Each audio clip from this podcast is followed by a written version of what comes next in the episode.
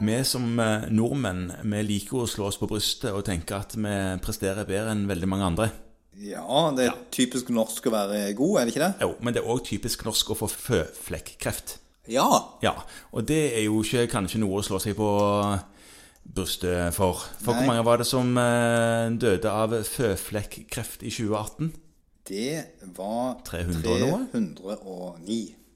Ja, så det er det 309 som kanskje kunne vært unngått hvis man hadde passet litt på med soling og sånt, eller hvordan er det? Ja. Nå vil jeg jo på en måte bare presisere at du nå vel snakker om sånne etniske nordmenn. Jeg snakker ikke om sånne som deg, nei. Nei, fordi at det, dette er jo et fenomen som i hovedsak rammer de gruppene som, som jo ikke tåler solen. Ja, altså kaukasere. Ja. Og så snakker vi om malignt melanom. Det er jo andre føflekkrefter. Ja, men i all hovedsak vil dette være malignt melanom, Ja. og det er en sykdom som er ganske vanlig. Ja. Ja, det er 2300 tilfeller i Norge i året. ja, så de f- aller, aller, aller fleste av de som får dette her, de lever godt med det. Ja. Eller de lever iallfall med det. ja, de overlever det. Det vil si at man får fjerna føflekken før den får begynt å spre seg. Ja. Men det skal også sies at med en gang du har en føflekkreft som har spredd seg til store deler av kroppen, så blir prognosen mye dårligere igjen. Ja.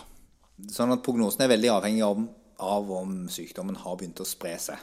Og da er det sånn at for eksempel så er- hvis du har fått spredning til én lymfeknute, det er ofte det de kaller for en sånn vaktpostlymfeknute, det gjør de noen undersøkelser av når du gjør en utvida fjerning på sykehuset, ja. så er det sånn at hvis du har én sånn som kreften har spredd seg til, Ja. så er fem år, ti års overlevelse ca. 50 Ok. og hvis det er to eller tre, så er den rundt 30 Ok, Så det blir verre og verre jo mer denne her føflekkreften har spredt seg. Ja. Ja. Og hvis de i tillegg vokser ut av lymfeknutene, da er overlevelsen dårlig. Ja. Og så er det jo veldig respektløst av de fleste kreftsykdommer å være så eh, stille i starten. De gir ofte ikke symptomer f- i den perioden hvor du kunne gjort noe med det. Men det blir først smertefullt og vondt når den har spredt seg eh, en del. Ja, Men nå er det heldigvis et ganske godt fokus på dette med solbeskyttelse. Ja.